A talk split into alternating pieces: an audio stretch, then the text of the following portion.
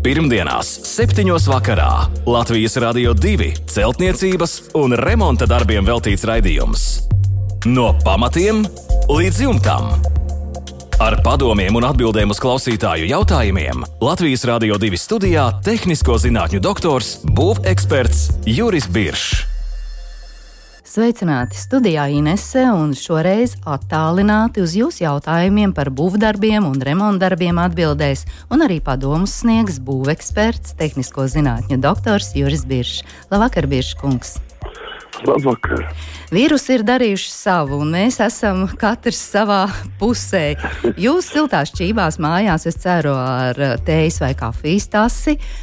Un es šeit Jā. Latvijas Rādio 2 studijā ar klausītāju jautājumiem, bet atbildes ir Jā. sagatavotas, un mēs varam sākt darbu. Protams, protams, protams. Un sāksim šovakar ar ārta vēstuli. Ir iegādāta māja 1937. gadā celta koka stāvbūve. Ap 2000. gadu ir veikts remonts. Ārsienas no iekšpuses siltinātas ar 10 cm akmens vati un arī uzlikts rīģipsis. Ārpus apšūta tikai ar plāniem dekoratīviem plastmasas dēļiem. Un lūk, Artis jautā, vai drīkst māju siltināt arī no ārpuses, neaiztiekot iekšpuses siltinājumu. Un jāpiebilst, ka māja ļoti ātri atdziest. Nu, kādu padomu varētu sniegt Artim? Nu, es teiktu, tā, ka jautājums ir ļoti praktisks, un mēs arī sniegsim tādu pašu praktisku atbildi. Tātad viss galvenais, kas kam jāpievērš uzmanība, mēs vienmēr varam siltināt ēku no abām pusēm. Mēs sakām, ka ir labāk, ja mēs siltinām no ārpuses. Tā ir racionālāk. Bet ja, siltināt var no abām pusēm. Un tikai tas jādara ir pareizi. Šajā gadījumā 37. gadā celta koku stāvu, kas, protams, netika siltināta tajos laikos, bet mēs nevaram būt pārliecināti, ka viņā nav kāda gaisa šķirkārta. Tāpēc, ja mēs pārliecināmies, ka sienā nav nekādas apslēptas gaisa šķirkārtas, piemēram, starp, starp uh, stāvbūves pildījumu, starp plankām un tā tālāk, ja tur nav nekādi, nekādas šķirkāts vai gaisa uh, slānis, tad tas nozīmē, ka mēs droši varam gan no iekšpuses, gan no ārpuses siltināt. Ja ir kaut kā mēs atklājam kādu no šķirkārtām, šī šķirkārta ir jāpiepilda ar siltumizolācijas materiālu. Jo savādāk mēs ar siltināšanu ārpus nedos nekādu labumu.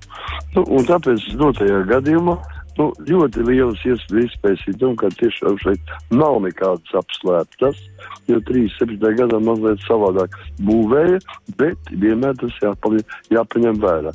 Un tātad 2000. gadā veiktais remonts šogad jau ir jau 12 gadi pagājuši no tā laika, un bez šama, ka pēc siltuma izolācijas īpašībām māja pietiekoši vēsta. Tāpēc es ieteiktu, protams, arī siltināt viņu no ārpus, atstājot visu iekšpus tā, kā ir uzlikts. Ir tikai viens jautājums, jo, jo Artis raksta, ka ārsienas no iekšpuses siltināts ar 10 cm akmens vati un uzlikts arī ģipsis.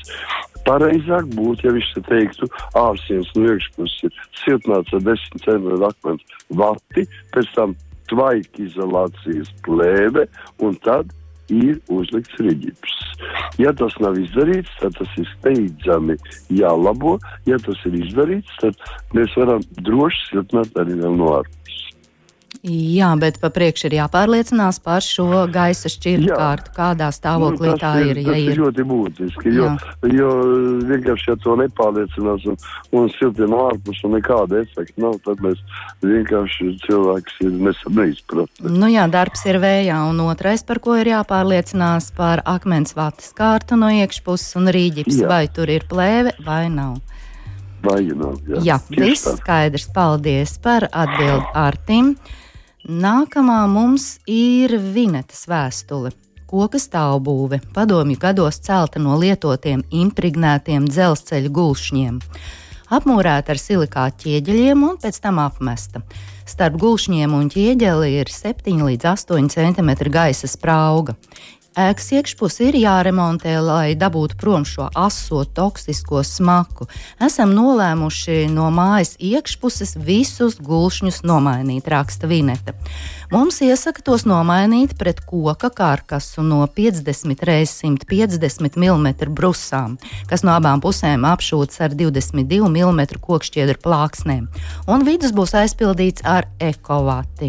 Bet ar ko aizpildīt šo gaisa spraugu 7-8 cm ar ekovati, un vai šādi visu veido, veidojot, viss būs pareizi, un šādas ārsienas biezums būs pietiekams, lai māja būtu silta un mājīga? Svarīgi, jautā Vineta. Nu, jautājums ļoti praktisks, un es teiktu, ka ļoti daudz mājas var Latvijā atrast tiešām, kas arī izmantoja dzelzceļa gūšanas. Tas nav labākais, labākā metode. Vienkārši nu, cilvēks lieto to, ko varēja dabūt tajos laikos, un, teiksim, jo, jo šī piesūcināšana ar, ar bituminizētām sastāviem m, mm, bija ārkārtīgi asa, smaka, un ja tikai parādās mazākā saiste ar iekštelpu, tad šī smaka ir vienkārši neciešama. Nu, jā, tā kā Protams, atdzīvojās siltumā, jā. Jā, jā, pilnībā. Un tāpēc es teiktu, ka šeit jāpievērš ir īpaša uzmanība. Ar ko viņi aizvietos, tas varētu būt tā, kā tur ieteikts, tas varētu būt aizvietots ar gāzbetonu, tas varētu būt aizvietots ar siltumizolācijas materiālu, atkarībā no konstrukcijas vai tur paliek kaut kāds nesošie, nesošies elements. Tas ir galvenais. Otrām kārtām, ja neizdodas kādu no kuršņiem apmainīt. Nu, netiekam klāt visam, vai tas ir, teiksim, ļoti uh, pozīcijā, kura izšķiroša un tā tālāk. Es ieteiktu no savas puses atstāt šo gulsni, tas nekas, ka viņš smako, bet viņu pilnībā no iekšpuses, pirms mēs viņu nenosacām ar kādu citu materiālu, mēs viņu apstrādājam ar uh, PVA līmes, polibīnīla acetāta līme un ūdens maisījums, kas tiek samaisīts tik lielā koncentrācijā, tātad izveidojas maza, maza šķidra koncentrācija, kura rada tādu mikroskopisku plēvīti tikai. Un to uzsmidzinot virsū šīs virsmas, mēs panākam to, ka šī smaka pasūta. Tā kā tas ir tāds papildus ieteikums tam, kas varētu būt. Nu, visa pārējā, man liekas, kad, kad ja izdarīs visu pareizi, tad šie šāda tipa sienas ir ļoti iespaidīgi biezas, un es domāju, ka tur nu, nu, nekādas lietas, grūtības nevajadzētu būt. Kas attiecas uz gaisa šķirbu. Gaisa šķirbu. Nu, tad, protams, ka ekovats ir pats optimālākais, jo tā ir diezgan pietiekoši liela sprauga un paņems ļoti daudz materiālu. Tāpēc pies, piespūšot to zemes spiedienu ar ekovatu, tas būtu pats vienkāršākais un racionālākais gadījums. Mm -hmm. Skaidrs, tā tad iekšpusi mēs varam veidot no koka karkas, kādu vineta ir izplānojusi, kādu viņai arī iesaka. Bet var arī Jā. vienkārši šos gulšņus tādā veidā saglabāt un šo smaku apturēt. Tas var, var, var, varbūt būtu nedaudz pār tāds riskants solis, nu, tad ir ļoti uzmanīgi jāņem katrs gūsnīts jāapstrādā, jo vienmēr radīsies kāda spraudziņa, vai ne, un mēs dēļ viens spraudziņš mēs varam sabojāt visu to vietu. Jā. Kā saka, viena, viena darba skarotē veselu mutis var mm -hmm. sabojāt. Tāpēc eh, es iesaku to darīt tikai tur, kur, nu, ir radīsies tāda momenta, kad nomainīt to gūsni nevar, jo viņš ļoti grūti, ļoti konstruktīvi konstruktīvi grūti nomaināms, vai arī viņš tur uz sevis tik daudz sarežģītu atbalsta punktu, ka nu, vienkārši vienkāršāk ir viņu atstāt. Jā. Tādā gadījumā lūdzu to darām. Jā, un rūpīgi, rūpīgi apstrādāt. Jā, tieši tā. Paldies par atbildēm Vinetai. Vēlos noskaidrot jūsu viedokli par ārsienas pīrāgu, un šeit ir pievienots attēls. Mums raksta Ieva, var būt kokšķiedras plāksnes e, jāizvieto ar vati un plēvi. Ja atstāja kokšķiedras plāksnes, vai tām jābūt impregnētām? Un es tagad nolasīšu, kādu pīrāgu Ieva ir iecerējusi. 21 mm koka apdars dēlis, 25 x 100 mm horizontālās un vertikālās koka latas, tad ir vēja membrāna, 50, 25 un 50 mm kokšķiedras plāksnes. Tad ir 12,5 mm ģipša plāksne un 12,5 mm panelis, koka panelis. Lūk, šāds te pīrāgs. Nu, interesants ir pīrāgs. Uh, manā skatījumā es skaitīju līdzi, uh, ja es ko tur tikko minēju, skaitīju tos milimetrus līdzi, man tur sanāca kaut kur pie 12, 13 centimetriem. Mm, uh, tas, tas, tas ir tā galvenā daļa, ja? Nevis Jā. tas nevis ar ko apdara. Nu, tas ir mazliet par maz. Neskatoties, ka tiks izmantot ļoti moderni mīkstās kokšķietu plāksnes, es ieteiktu tomēr padomāt, vai nevar vairāk. Kas varētu būt e, sekojoši, kad visas tās kokšķietu plāksnes, sākot no 50 mm un pēc tam 25 mm un atkal 50 mm plāksne. Pat par sevi šī 50 mm plāksne sastāv no salīmētām divām 25 mm. Es ieteiktu viņu vienkārši veidot šādu konstrukciju, telpisku konstrukciju. Nu šeit ir 125 mm kop, kopumā, it kā dod to, to, to, to, to mīkstās kokšķieda plāksnes ieslēgums. Bet viņš varētu būt biezāks, nedaudz biezāks, kas uzlabos siltumizolāciju. Un veidot to no koka, telpisku no koka, apšujot to no iekšpuses ar šo um, liksim, 25 mm mīkstās kokšķiem plāksnes kārtu.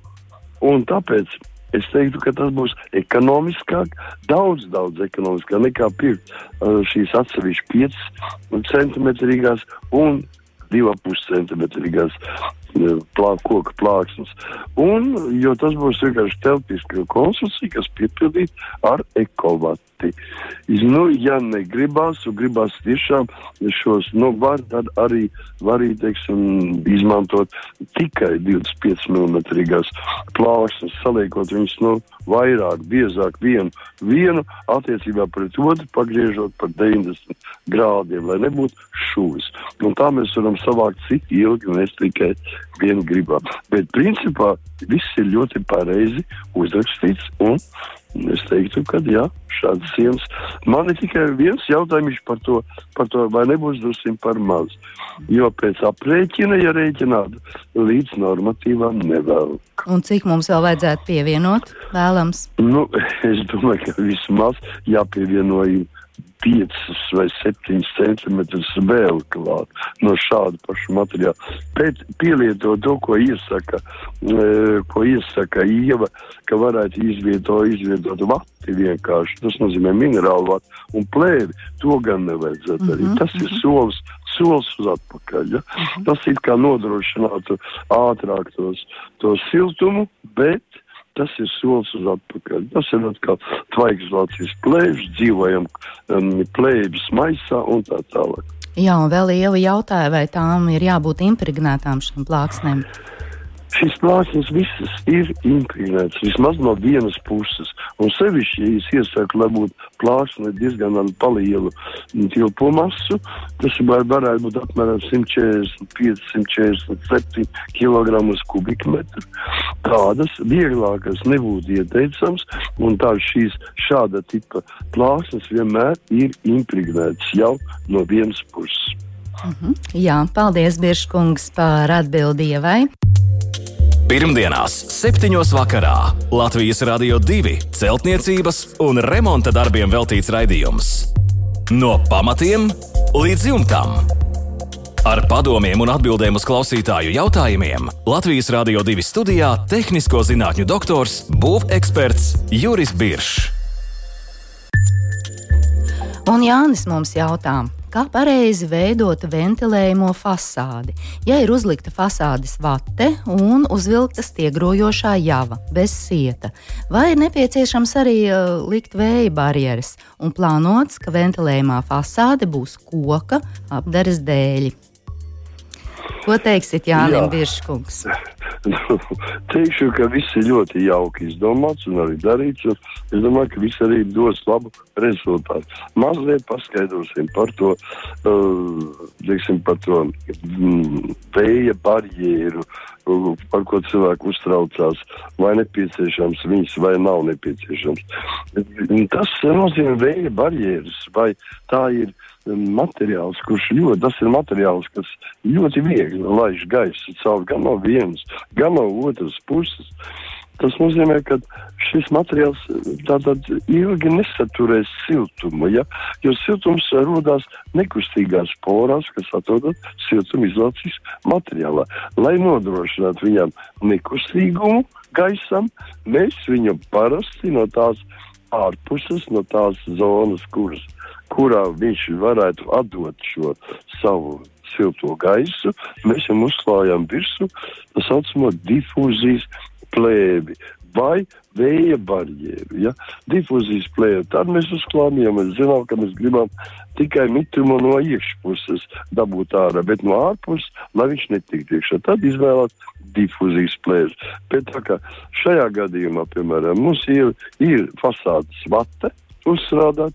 Uz fasādes vats ir uzstrādāts virsū uh, stiegrojušais, stiegrojušai java, nu, tas nozīmē arī īpaši cementu, stiegrojušu cementu uzkrāt šī, šī java, viņi tam palīdz, nu, pielietot mazāk setos, to, teiksim, stiegrojumu, vai arī nepielietot nemaz.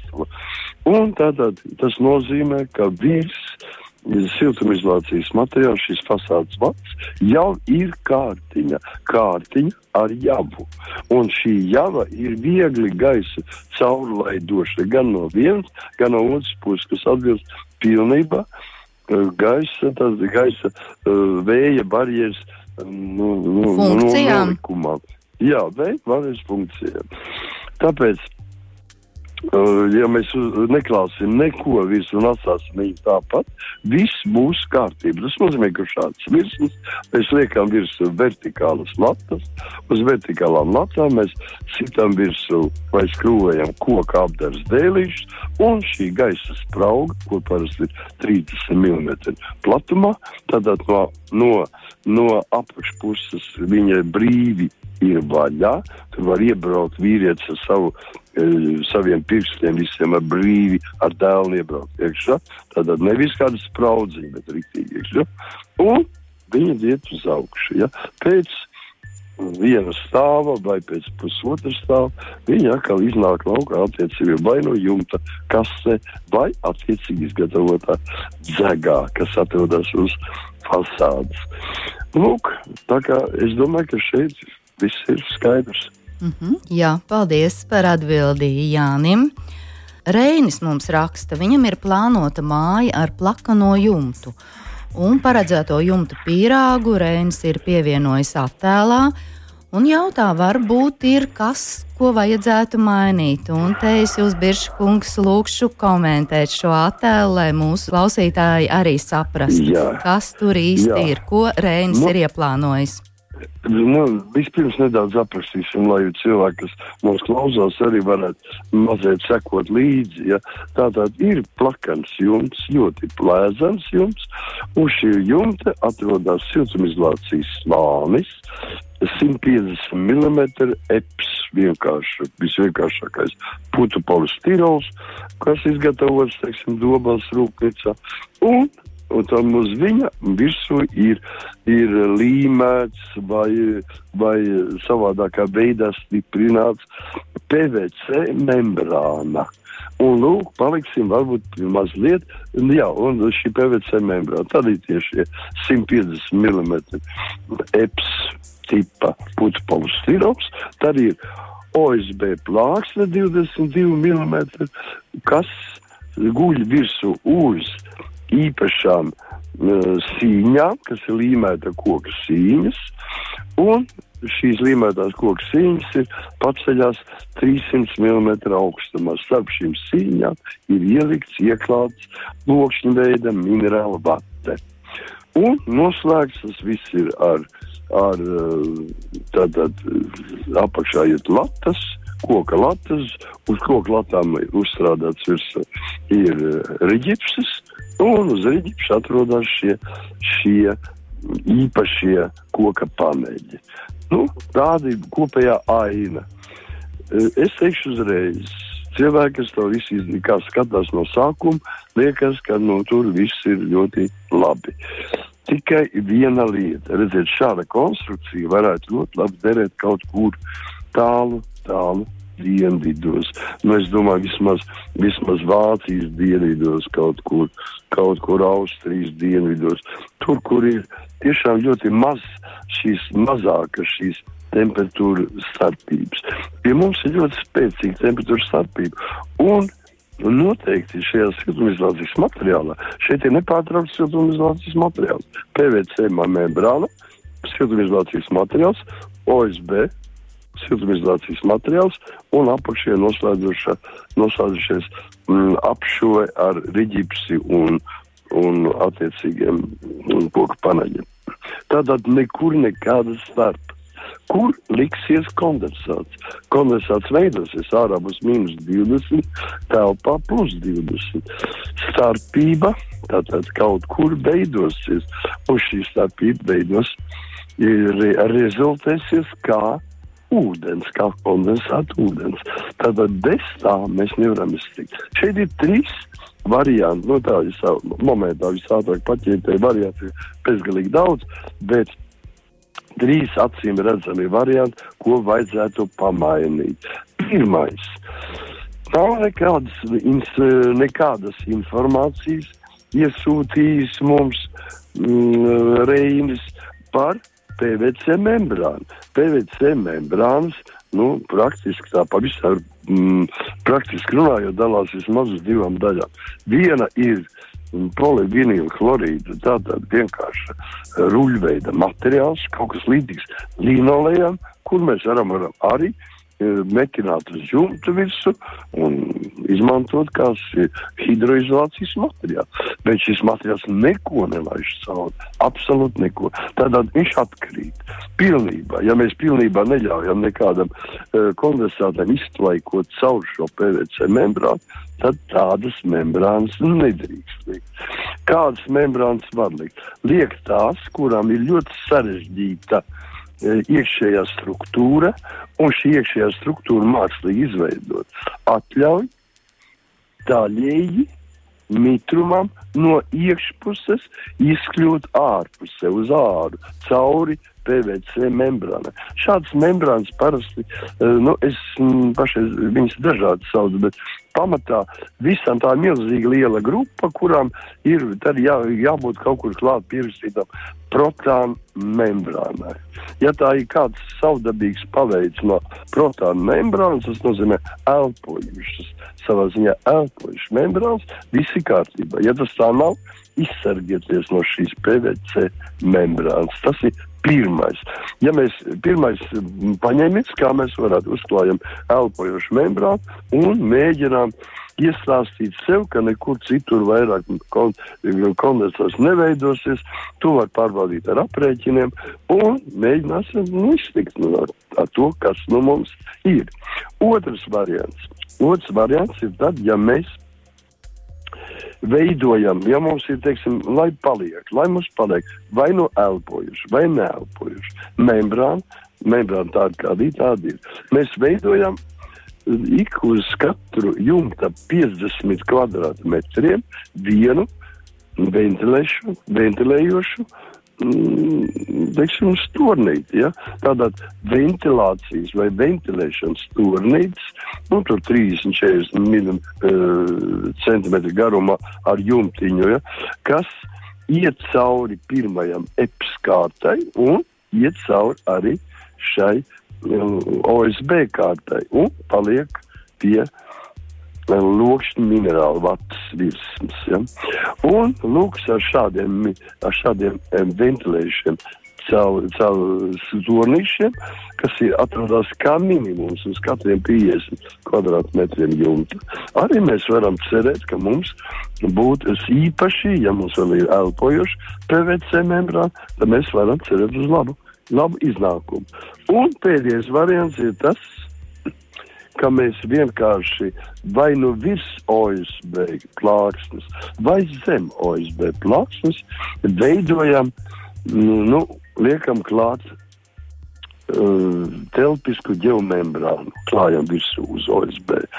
Un tādā gadījumā mums visi mitrumi, kas ir nāks no lokšņveida minerālu vatas, jo tur visvairāk nāks tas tas mitrums sakrāsies lūk šajā membrānā, un šī membrāna jābūt ar izvadu. Izvadu uz koras daļu vai uz uz uh, pakša, uz kāda, kur ir, teiksim, nu, no jumta, jumta malas, jumta malu. Un es ļoti ieteiktu to apvienot arī ar šiem ventilējušiem turnīšiem. Tā kā diezgan stingri jāpadomā ir Reinim, vai viņš grib šādu konstrukciju. Jā, tā tad. Jebkurā variantā ir jācīnās ar šo mitrumu. Noteikti tas ir jāņem vērā. Tas šajā gadījumā Jā. ir galvenais faktors, par ko Rēnim būtu jāpadomā. Jā tas ir Latvijas klimatiskajos apstākļos vienkārši neizbēgams. Tad būs šis, šis eh, praktiski viņš ir, viņš ir rodās katru dienu no eh, pie temperatūras, pie ārgaišas temperatūras no mīnus 16 eh, līdz plus, atvainojos no plus 16 līdz mīnus 9 grādiem. Uh mhm. -huh. nu, tas ir praktiski gan izvēl katru dienu.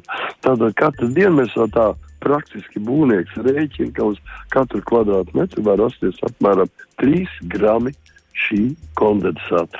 Un tas nozīmē gadā 365 dienas, tas nozīmē kaut kur ap 360, 350 gramiem ūdens uz katru kvadrātmetru saglabāsies. Viņam nav kur žūt, viss ir noslēgts. Ja? Un tas uzkrāsies uz saks attiecīgi spiedienu darbības rezultātā plēst jūs jums. Jā, un tas ir jāņem Rēnim vērā. Jā. Tas jāņem vērā. Paldies par atbildi. No pamatiem līdz jumtam. Un vēl mums ir Gvido vēstule. Kādus risinājumus varētu ieteikt Līvānu mājai, lai savienojumu vietā neplaisātu griesti? Ir uzlikts siets, ir nošpaktelēti, bet vienalga plaisā. Ko darīt?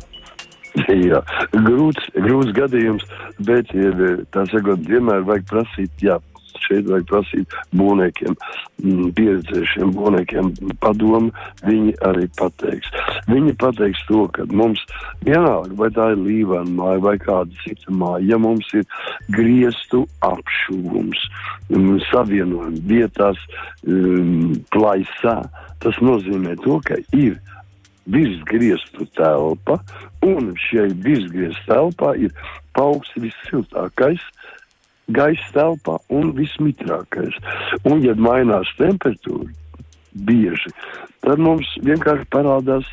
Nu, saka, šīs kustības, viņas deformējas, viņas sastiepjas, mm, savalkās, izplešās, mm -hmm. un pēc zinām tūkstošu skaita mums parādās plaisas. Lai izbēgtu no šīm plaisām, mums ir nu, ir divas iespējas. Vai nu neradīt šo virsgaisa telpu, vai arī nu, teiksim, šajā telpā ievietot um, ventilatoru ar regulu, kas uh, strādā uz, uz mitruma um, sensoriem, un pie 70% mitruma viņš pats izmet ārā ventilācijas uh, traktā visus tos mīkstos, uh, mitros un siltos gaisus. Mm -hmm. Un atkal šis mitrums.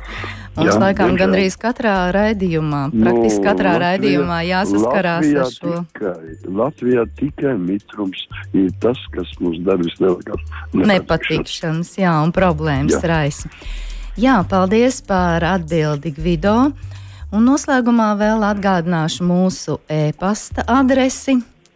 Tā ir nemainīga arī šajā gadā - remonts at lr2.lv.